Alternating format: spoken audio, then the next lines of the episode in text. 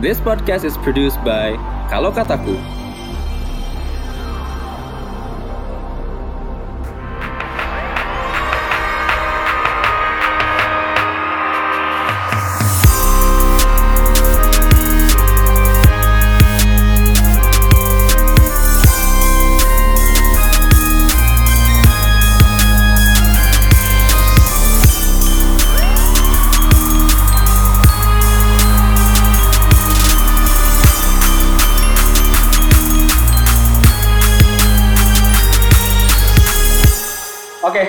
Lagi di podcast kemarin sore. Kok lo gak ramein sih, Pak? Oh, oh iya biasa. Ini mentang-mentang, jadi hari ini kita eh, cuman berdua aja. Kita sedang membuat cabang baru, PKS cabang Depok. udah ada PKS cabang Depok. Oh, udah ada. Eh, ya udah, kita nggak boleh nyikat-nyikat lah. Podcast kemarin sore cabang Depok. Iya. gitu. Jadi kita hari rekamannya di Depok di salah satu coffee tempat ya kafe lah ya kayak gitu. Bersama gua dan ada Lo siapa? Lo siapa? oh iya gue Paris lupa lupa Ya, eh, ada Ave. Oke, dan hari ini kita kedatangan dua tamu dari salah satu kampus terbesar di Indonesia dan juga di Depok. Depok kan ya, betul ya. Nah, mungkin langsung aja perkenalkan diri masing-masing. Boleh silakan. Oke, ya halo semuanya. Gue Manik Margana Mahendra, biasa dipanggil Manik. Sekarang lagi menjabat sebagai Ketua BMUI 2019. Oke, di sini ada Manik ya. Lalu juga ada pengawas ya. Di sini kebetulan kita komplit sekali ya. Kita pengen bahas komplit sekali. Silakan. Ya, eh, kenalin gue Satria, sekarang Ketua Dewan Perwakilan Mahasiswa UI, eh, Fakultas Hukum Angkatan 2015. Ya, jadi jelas ya teman-teman eh, hari ini para pendengar PKS. Oh jangan disingkat ya Pak ya. Jangan disingkat. Podcast kemarin sore. Soalnya lagi di lumayan digoyang ya partai satu ini ya karena Apalagi di Depok. iya. Karena tadi gua keliling Margona kok belum ada lagunya ya. belum disetel apa gimana nih Pak? Saya usul lah Pak di Cinere nggak apa-apa lah Pak. Soalnya kita selalu macet dan butuh hiburan memang. Tolong ya Pak, ini aspirasi saya sebagai warga yang berkat apa berKTP Depok gitu ya. ya, ya udahlah, nggak apa-apa. Jadi Iya, Depok ada yang dikenal gitu. Iya, Gitu. oh, cocok makanya kita. Nah, hari ini eh, apa yang mau kita bicarain itu adalah ini gua ada beritanya yang yang seru.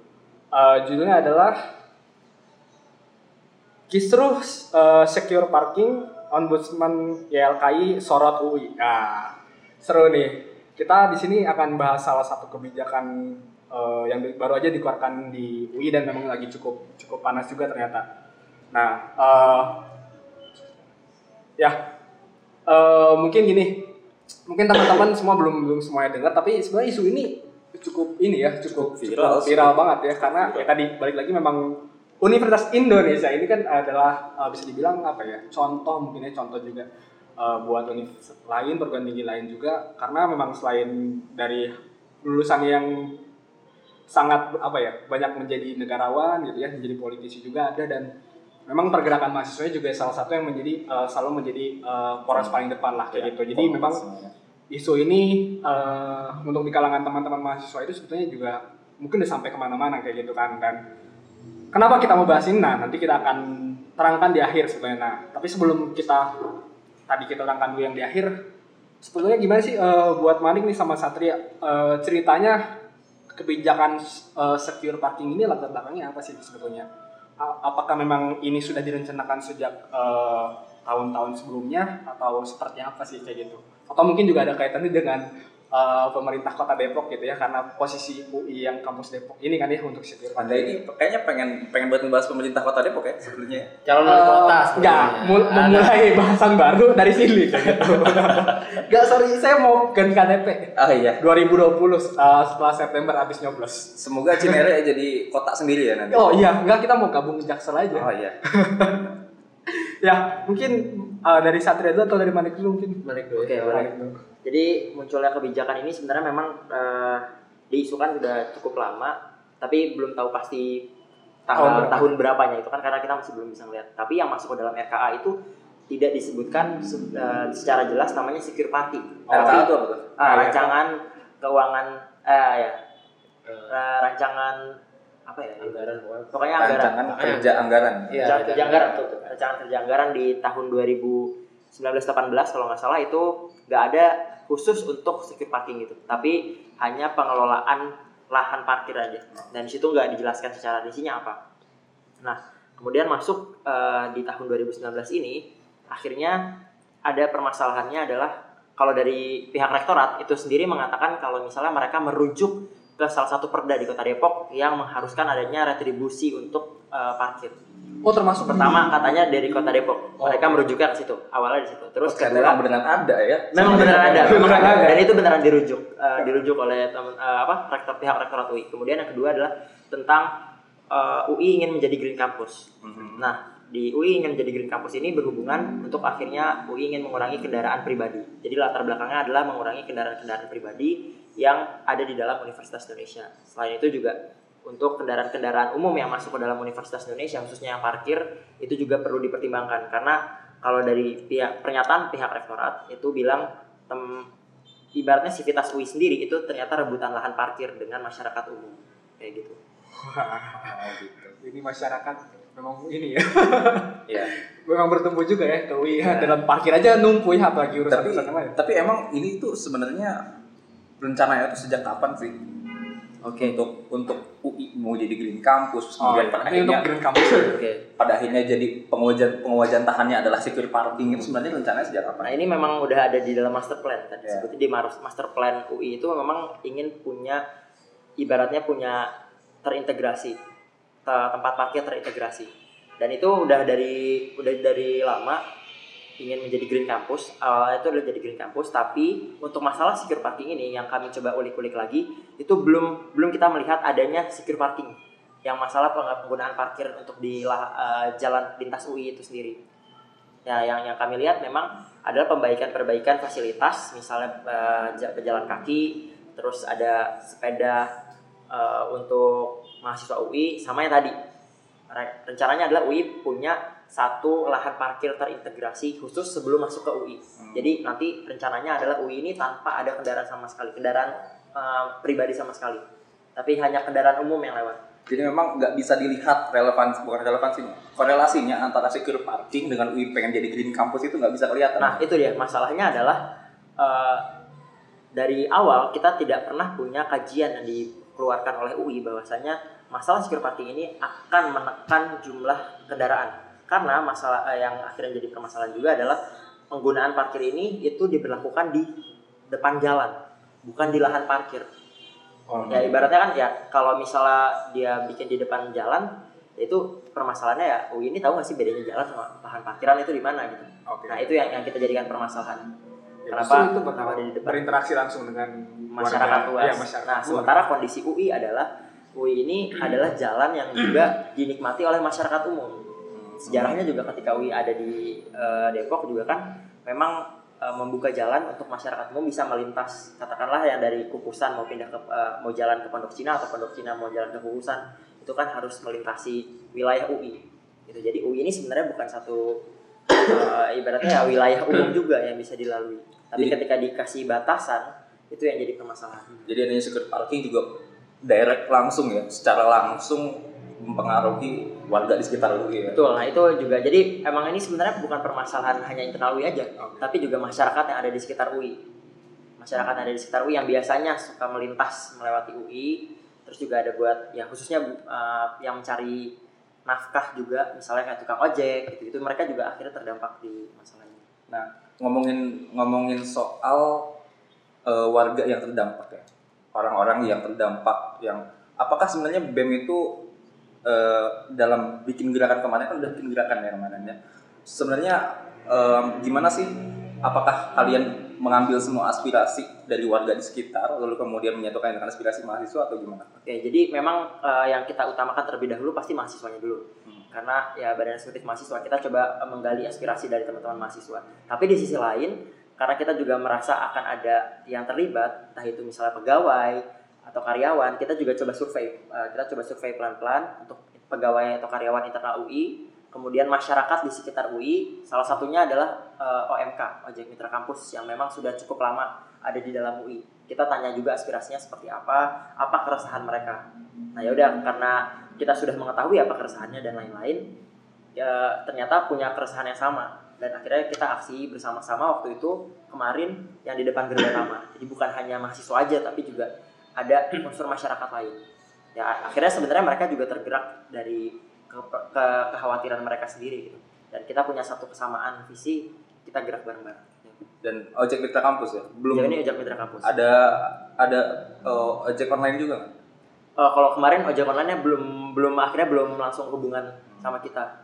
Jadi belum belum sempat benar-benar bisa masuk gitu. Ya itu akan sangat-sangat kejadian langka ya ojek online dan ojek Ojek kampus bersama-sama melawan rektorat gitu ya.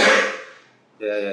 Itu argumen argumen argumen apa lagi sih sebenarnya yang yang mungkin bisa kemudian jadi em, jadi pertanyaan gitu sebenarnya untuk rektorat kenapa harus ada secure parking gitu Oke.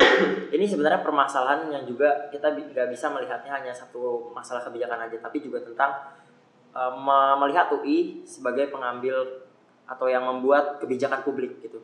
Nah, dalam membuat kebijakan publik ini kita sangat berharap kalau UI juga bisa mengajarkan yang namanya asas-asas uh, umum pemerintahan yang baik atau AUPB itu. Nah, seperti apa? Misalnya tentang transparansi, transparansi bentuk kajiannya atau dokumen-dokumen legal yang dimiliki UI itu bisa kita akses. Tapi sampai sekarang kita belum punya kajian yang mereka seharusnya buat adalah salah satunya adalah andalalin atau analisis dampak lalu lintas. Hmm. Nah, terbukti menjadi masalah ketika uji coba hari pertama itu eh, bisa dilihat di banyak eh, kabar gitu ya. Kalau UI itu sempat macet, bahkan bukan cuma di internal UI-nya lah, sampai ke Sawangan, PNJ daerah-daerah PNJ, juga. Oh, di iya. belakang PNJ itu juga kena gue liat yang di PJ itu. Ya. Itu kan lewat jembatan nih. itu lewat jembatan dan Dan itu jalannya kan kecil banget. Hmm. Itu yang belum dibuat sampai sekarang. Jadi artinya apa? Mereka secara kesiapan juga belum jelas. Terus dari mana dokumen dasar yang meng- eh, ibaratnya bisa membuat kebijakan ini itu berjalan gitu. Atau katakanlah izin parkir ini gitu. Itu kita juga belum tahu sampai dengan saat ini eh, dokumen-dokumen dasar yang harusnya dimiliki oleh UI itu belum bisa kita akses.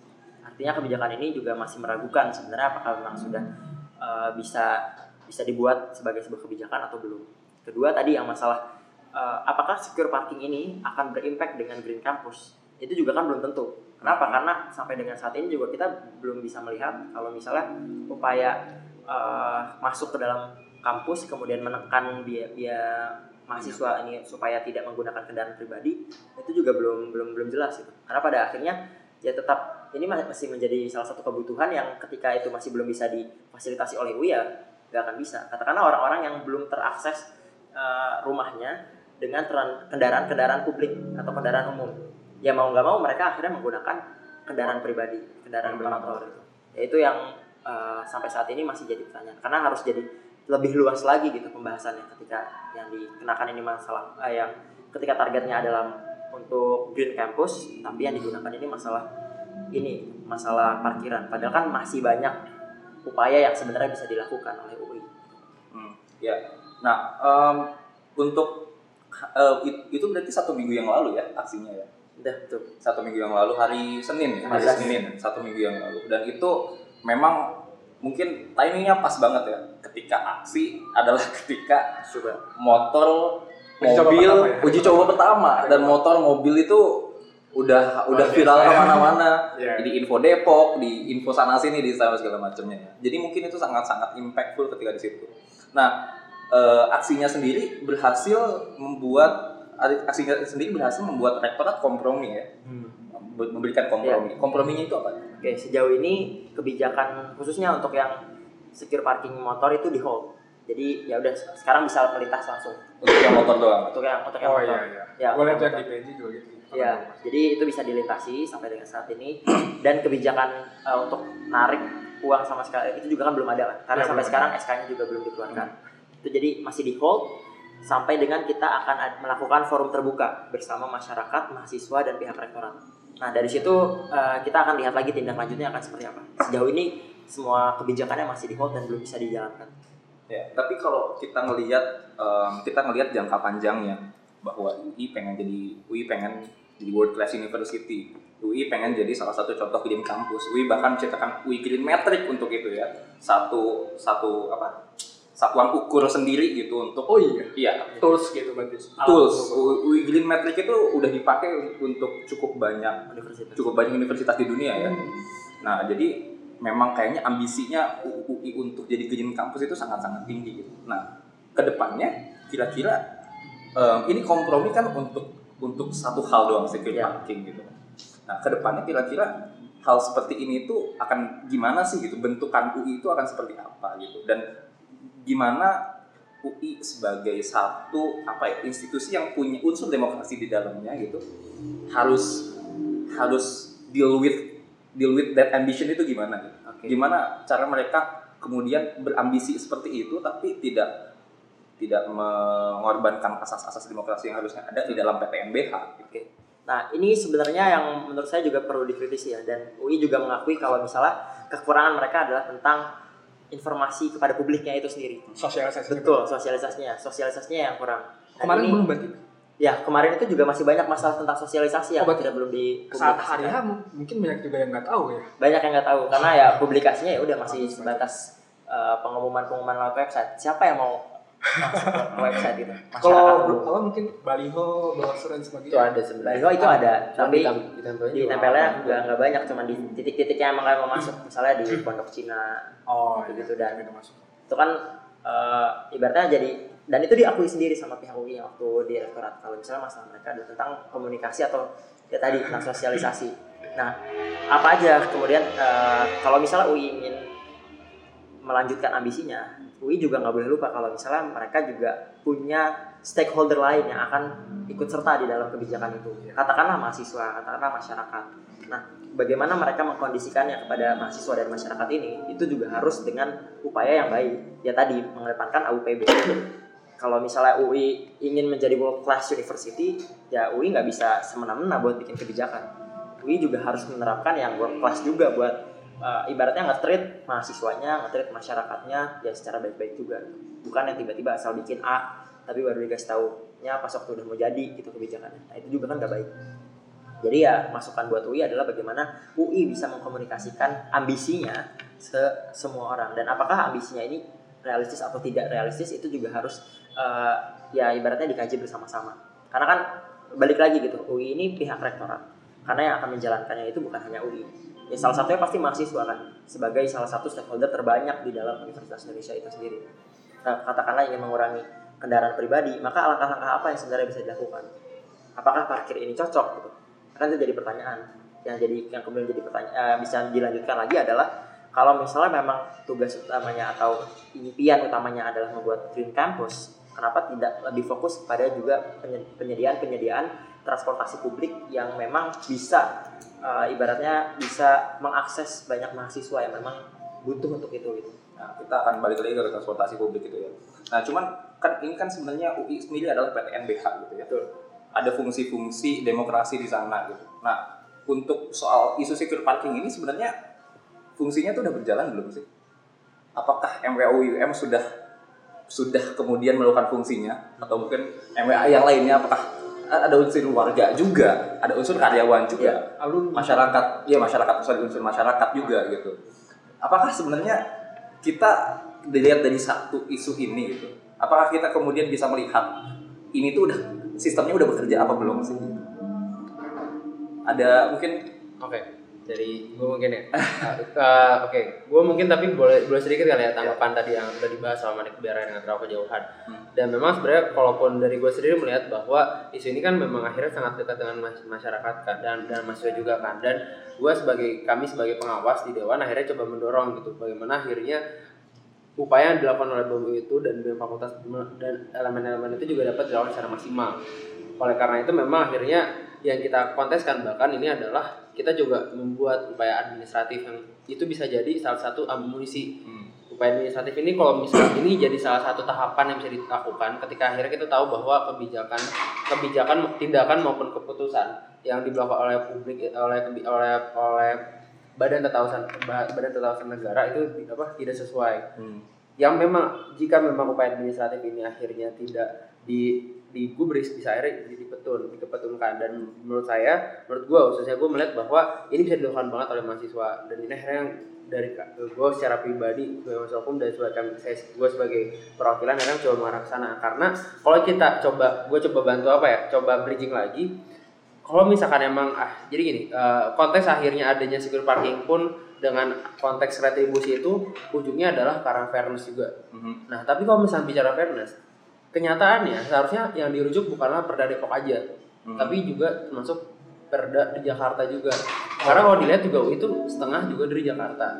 Seperti itu. Meskipun memang dengan ini ya, Agung ya. perbatasan dan lahannya itu kalau dibilang tuh cukup cukup apa ya? Cukup eh, cukup ya ya lahannya cukup kebagi dua gitu loh. Makanya sebenarnya kalau kita ngelihat kalaupun memang ternyata ini jadi salah satu komitmen untuk akhirnya membuat kontribu apa eh, retribusi kan karena kan gini kan yang dipermasalahkan adalah tidak ada eh, uang yang akhirnya itu menjadi pengganti emisi yang telah dikeluarkan Mhm. itu kan konteksnya sangat hukum lingkungan kan Ya. nah makanya akhirnya yang kita lihat juga berarti harusnya UI juga punya kewajiban ke arah sana itu yang pertama terus yang kedua yang soal prosedur SK segala macam yang menurut kita eh, ini bisa sangat-sangat eh, kita kontekskan sebagai pelanggaran di AUPB-nya gitu kan makanya emang akhirnya OPB itu apa? yang tadi asas-asas umum pemerintahan yang baik Oke. karena nggak hanya konteks kecermatan keterbukaan tapi juga masalah ko apa wewenang yang sesuai Hmm. makanya emang akhirnya kita ngelihat bahwa ini tidak sesuai karena tidak hanya Depok aja yang seharusnya bisa di yang bisa menjadi kewajiban UI yang ketiga sebenarnya ini jadi menarik sih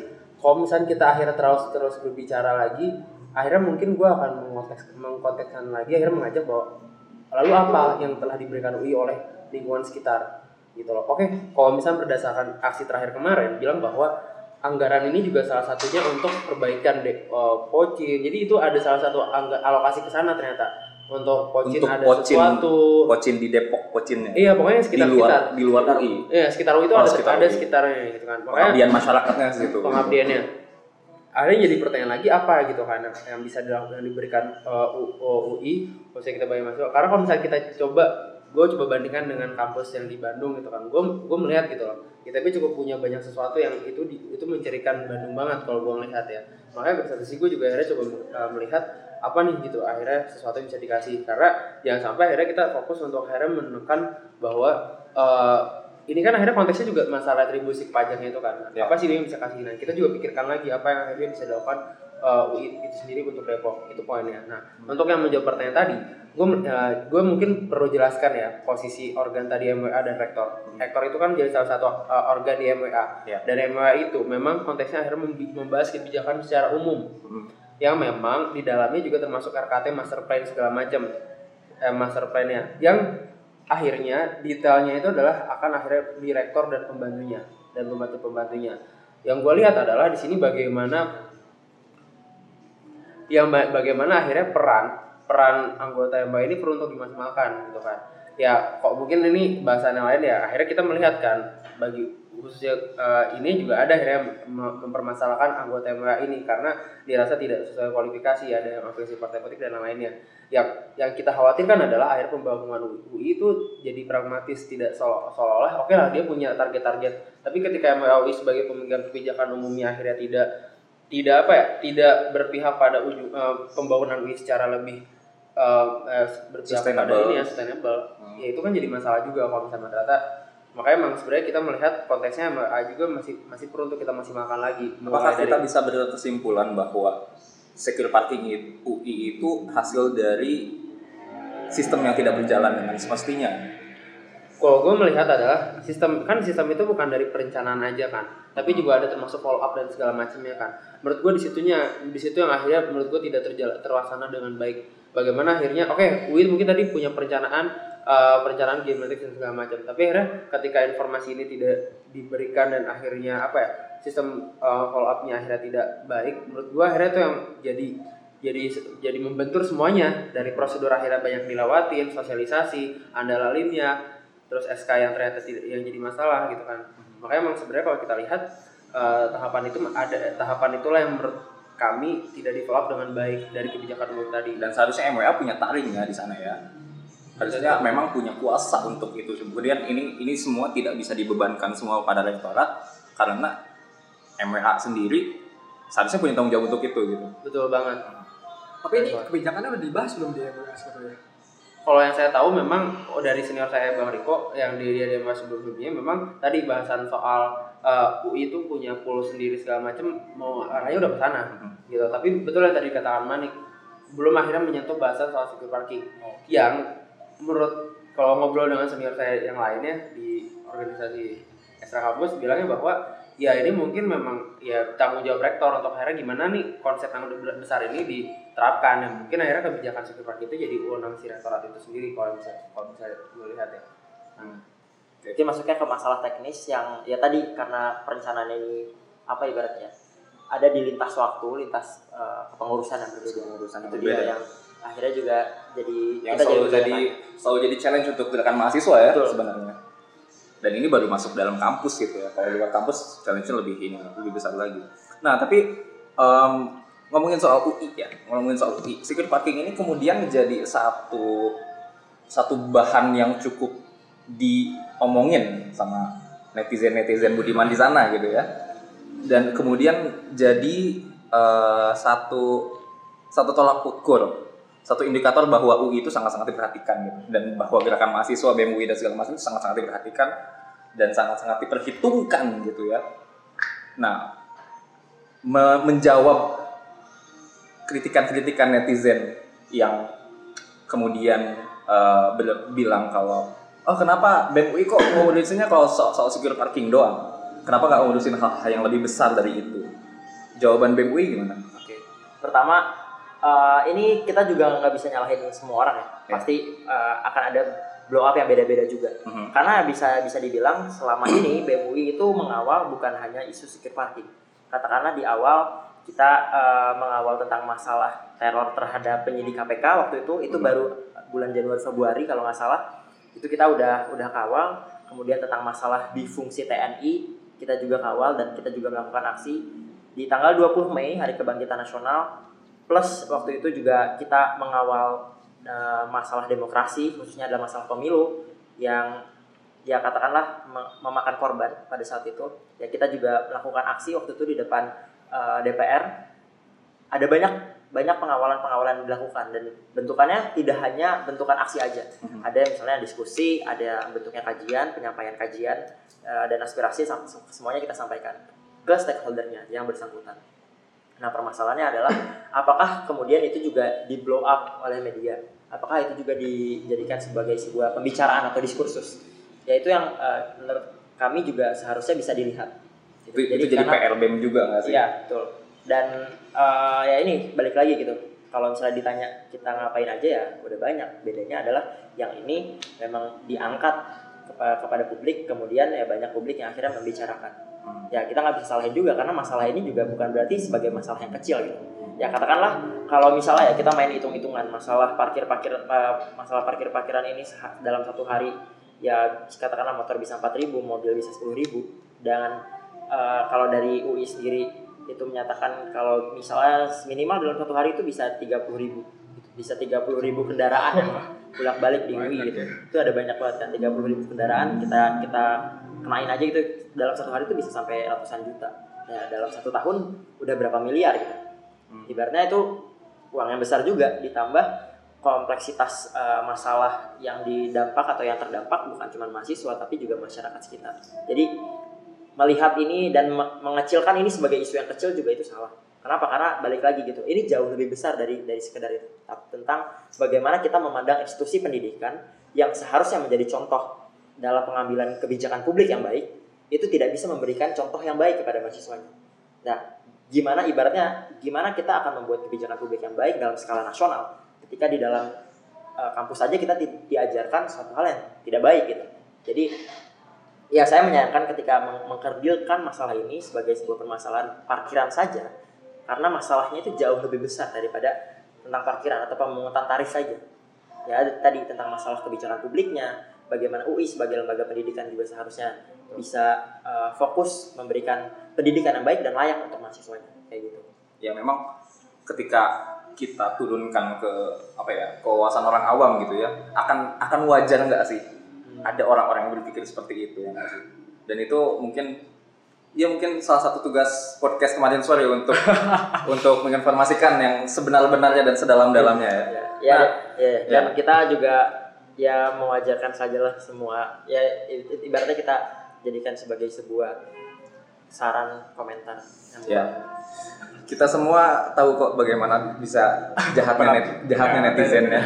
Kita semua tahu. Nah, em, ngomongin soal UI dan secure parking dan UI sebagai satu institusi PTNBH gitu ya. Salah satu yang paling awal di Indonesia gitu. Dari 11 yang ada.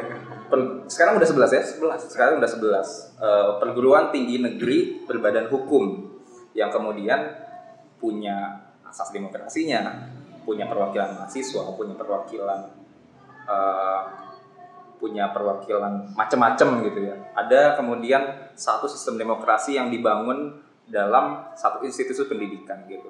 Nah, di mana institusi institusi pendidikan itu harusnya ideal, ya nggak sih? Ideal. Kita kita belajar yang ideal dan kita coba mengeksekusinya dengan cara yang ideal pula gitu kan. Nah, UI sebagai sa- salah satu percontohan gitu di Indonesia. Salah satu yang paling awal, salah satu yang paling mungkin disorot juga karena kita ada di tengah-tengah di benar-benar dekat banget sama Jakarta. Nah, ngelihat em, ngelihat secure parking ini dan mu- kemungkinan tadi adanya apa ya? Adanya adanya apa ya? Adanya kesalahan sistemik mungkin dari sis- adanya kesalahan dari sistem sendiri sehingga secure parking itu jadi isu yang sebermasalah ini. Kira-kira gimana sih eh, PTNBH ke depannya itu? Tapi mungkin gini sebelum kita bahas tentang PTNBH kan sebenarnya status tinggi itu banyak ya. Eh, yang gue tahu itu ada satuan kerja, ada badan badan layanan umum dan PTNBH nih. Mungkin kan teman teman-teman pendengar kan macam-macam kan kampusnya kan dan PTNBH pun baru hanya 11 sedangkan perguruan tinggi itu kan ada ribuan. Bisa bantu jelasin dulu nggak? Mungkin bedanya PTNBH, eh, BLU dan Satker itu bedanya apa sih sebenarnya? Mungkin yang poin pentingnya. kalau yang gue juga belum nggak tahu banyak ya soal itu ya tapi memang yang gue tahu memang itu lebih ke otonomi yang dimilikinya gitu loh mulai dari bagaimana akhirnya pengelolaan eh, akademis maupun non akademis itu untuk yang PTNBH yang gue tahu itu adalah paling tinggi lah di situ. Di mana memang akhirnya UI punya kewenangan secara otonom untuk akhirnya menggunakan keuangannya.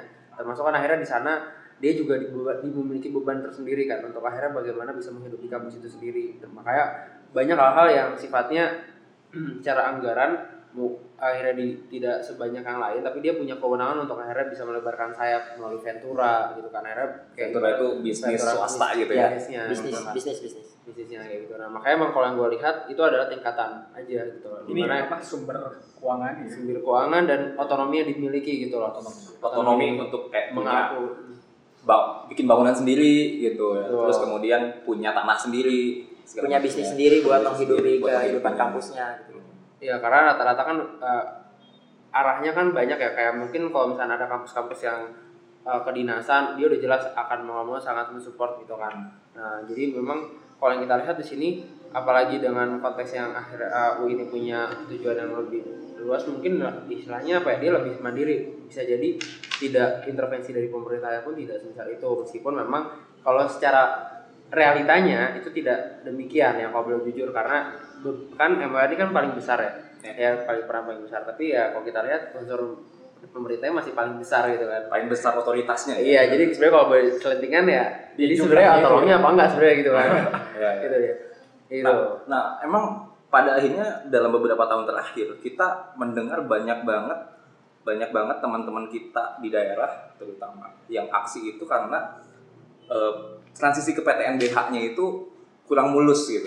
Jadi dengan kampus jadi PTNBH, UKT-nya jadi naik Oh, iya. hampir 100% Kayak gitu ini kan. UB kalau nggak salah ya. UB itu lagi proses Ah. PTNBH kan ya. Tapi Dan- itu banyak penolakan Ah. banget.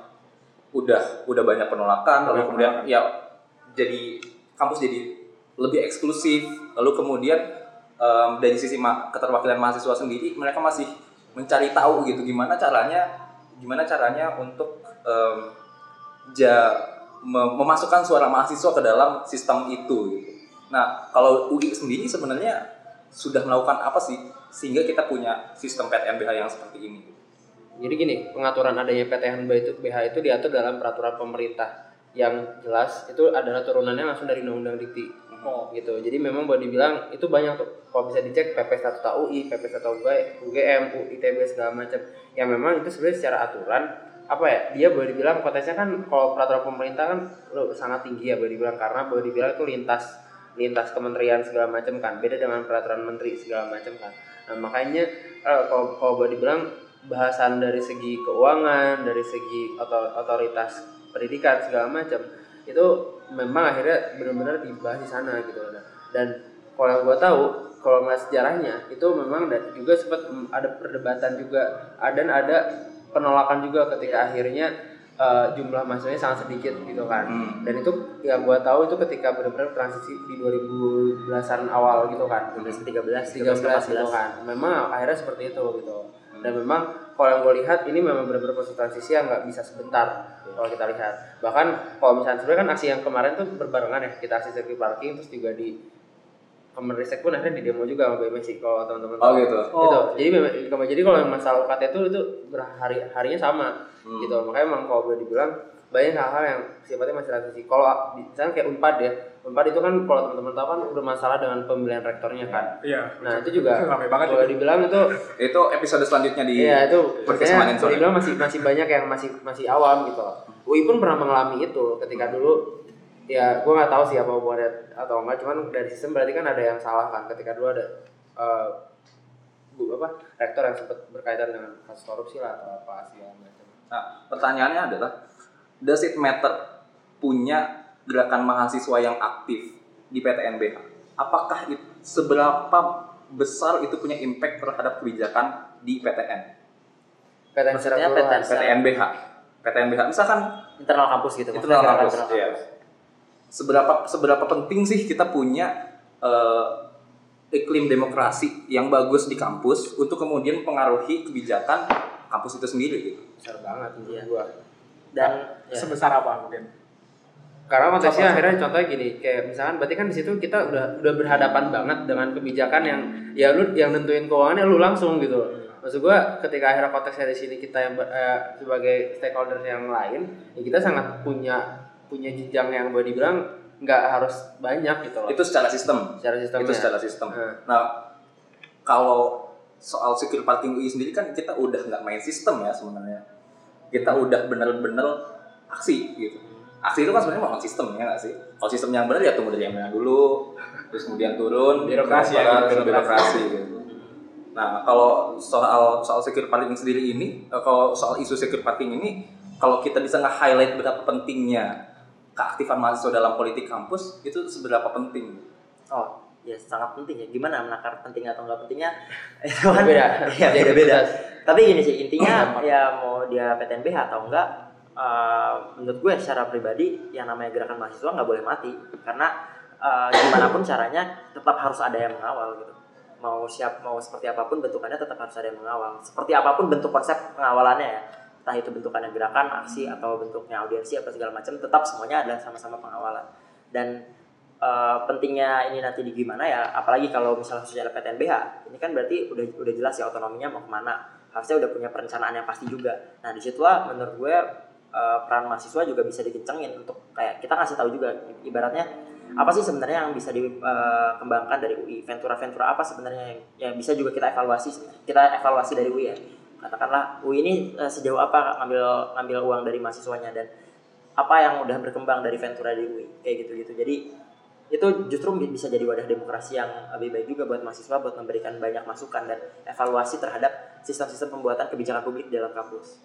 Nah, dan kalau boleh nambahin juga sebenarnya gue juga udah gue melihat lah bagaimana upaya BMI mengawal ini dan gue apresiasi banget gitu. Dan memang kalau tadi akhirnya pihak luar yang emang kerjakan menurut gue itu sangat salah gitu loh karena kalau misalnya ini ini apa ya sudut pandang menurut gue yang bisa sangat tarik lebih jauh lagi bahwa tata kelola apa soal secure parking ini gak hanya urusan yang sangat kecil gitu. Misalnya kalau dilihat dari jenjang masalahnya. Ya karena kita bisa banget menarik ini ke masalah tata kelola kampus. Yang tata kelola kampus itu itu berkaitan banget dengan rektor itu sendiri. Yang kita tahu UI sekarang sedang pergantian rektor.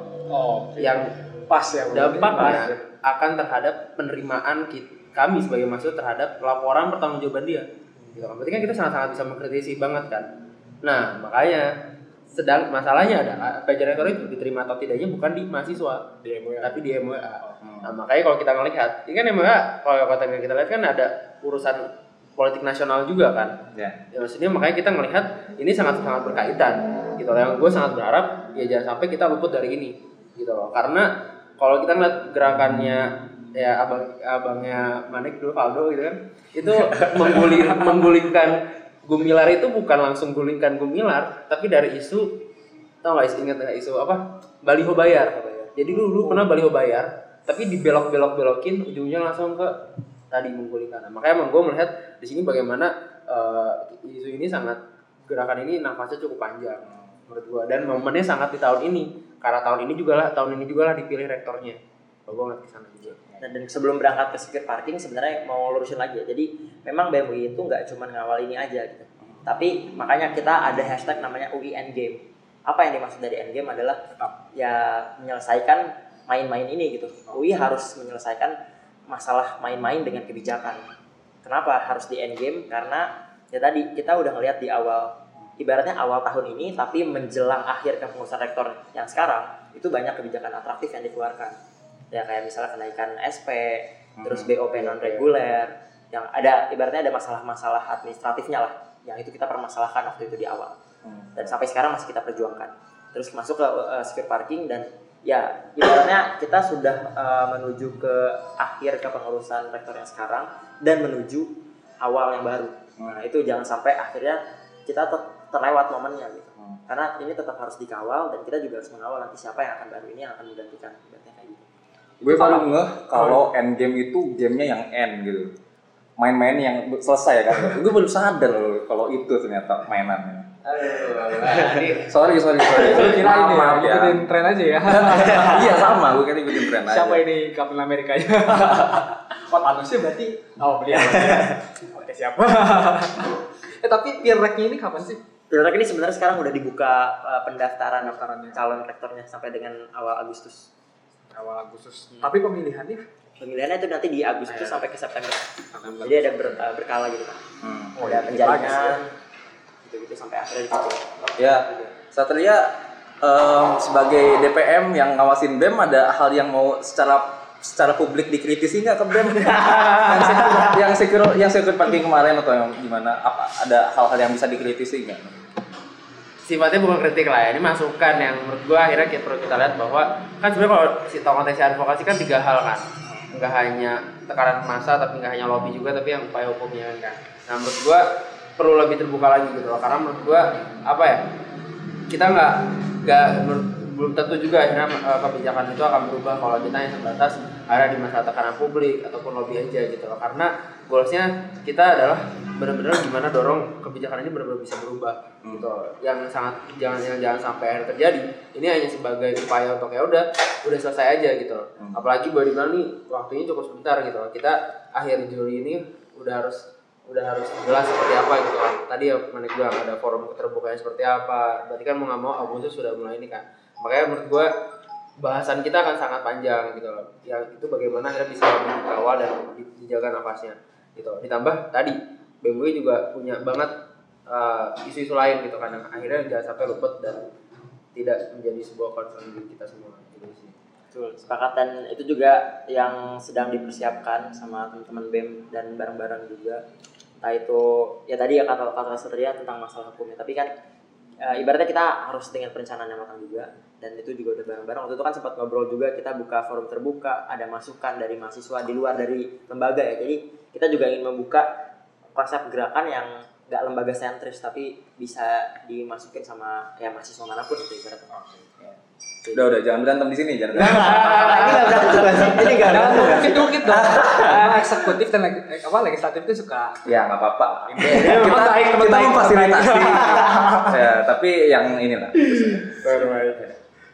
Banyak. Oke, jadi eh, memang teman-teman episode hari ini adalah sebuah pembuka kita untuk apa ya kasih gambaran ke teman-teman pendengar semua bahwasanya eh, kita mulai berpolitik itu sebenarnya dari lahir ya, tapi Dari lahir. kampus ini sebetulnya mulai intensitasnya mulai meninggi gitu ya benar-benar. Kita merasakan apalagi teman-teman yang di PTNBH ini ah, lebih rumit lagi ternyata permasalahannya kan. Karena tadi tradisi dan sebagainya itu ya bukan proses yang gampang ya. Kayak gitu. UI pun ya tadi ya. Ternyata ini bukan membuka apa ya bobor tapi bisa jadi gambaran juga eh, ke depan gitu ya teman-teman. Apalagi yang masih saat ini jadi mahasiswa aktif harus seperti apa gitu ke depannya.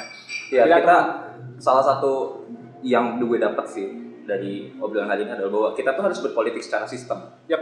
Tapi jangan lupa juga ada ada ada cara-cara ada cara-cara yang di luar sistem itu sendiri gitu. Dan itu sering kali lebih efektif ya. Iya. Seringkali- Dan kita kita nggak boleh melupakan bahwa itu itu intinya demokrasi bahwa demokrasi itu cuma bukan bukan cuma di sistem doang gitu. Iya. tekanan massa itu masih satu salah satu opsi yang bisa dipakai ya Iya. ya gitu jadi kalau teman-teman tertarik eh, dengan isu-isu politik kampus boleh juga saranin ke kita harus bahas apa lagi gitu ya. Karena ini eh, sudah seperti pilot project jadi kalau teman-teman suka ya silakan komentar aja di eh, IG kita ya kalau kataku dan di Twitter juga ya kalau underscore kataku atau boleh juga ke AP boleh ke Faris gitu ya At Avenur Esa. oh, Tapi masih di private. ini sombong paling sombong datang jarang follow. berarti. mending saya mungkin Manik dan eh, Satria boleh mangga promosi IG-nya masing-masing promosi IG masing-masing lembaga Bikin lembaga.